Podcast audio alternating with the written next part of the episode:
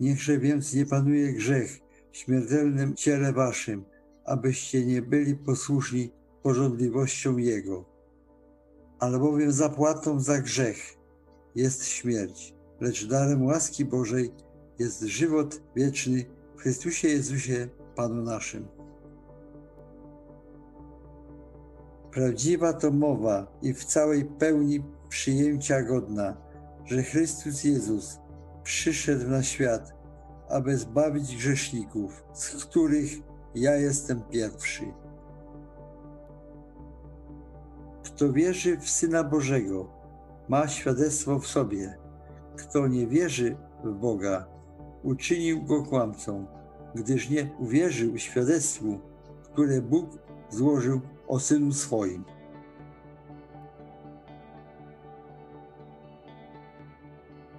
Niech mówią odkupieni przez Pana, ci, których wyzwolił z ręki nieprzyjaciela.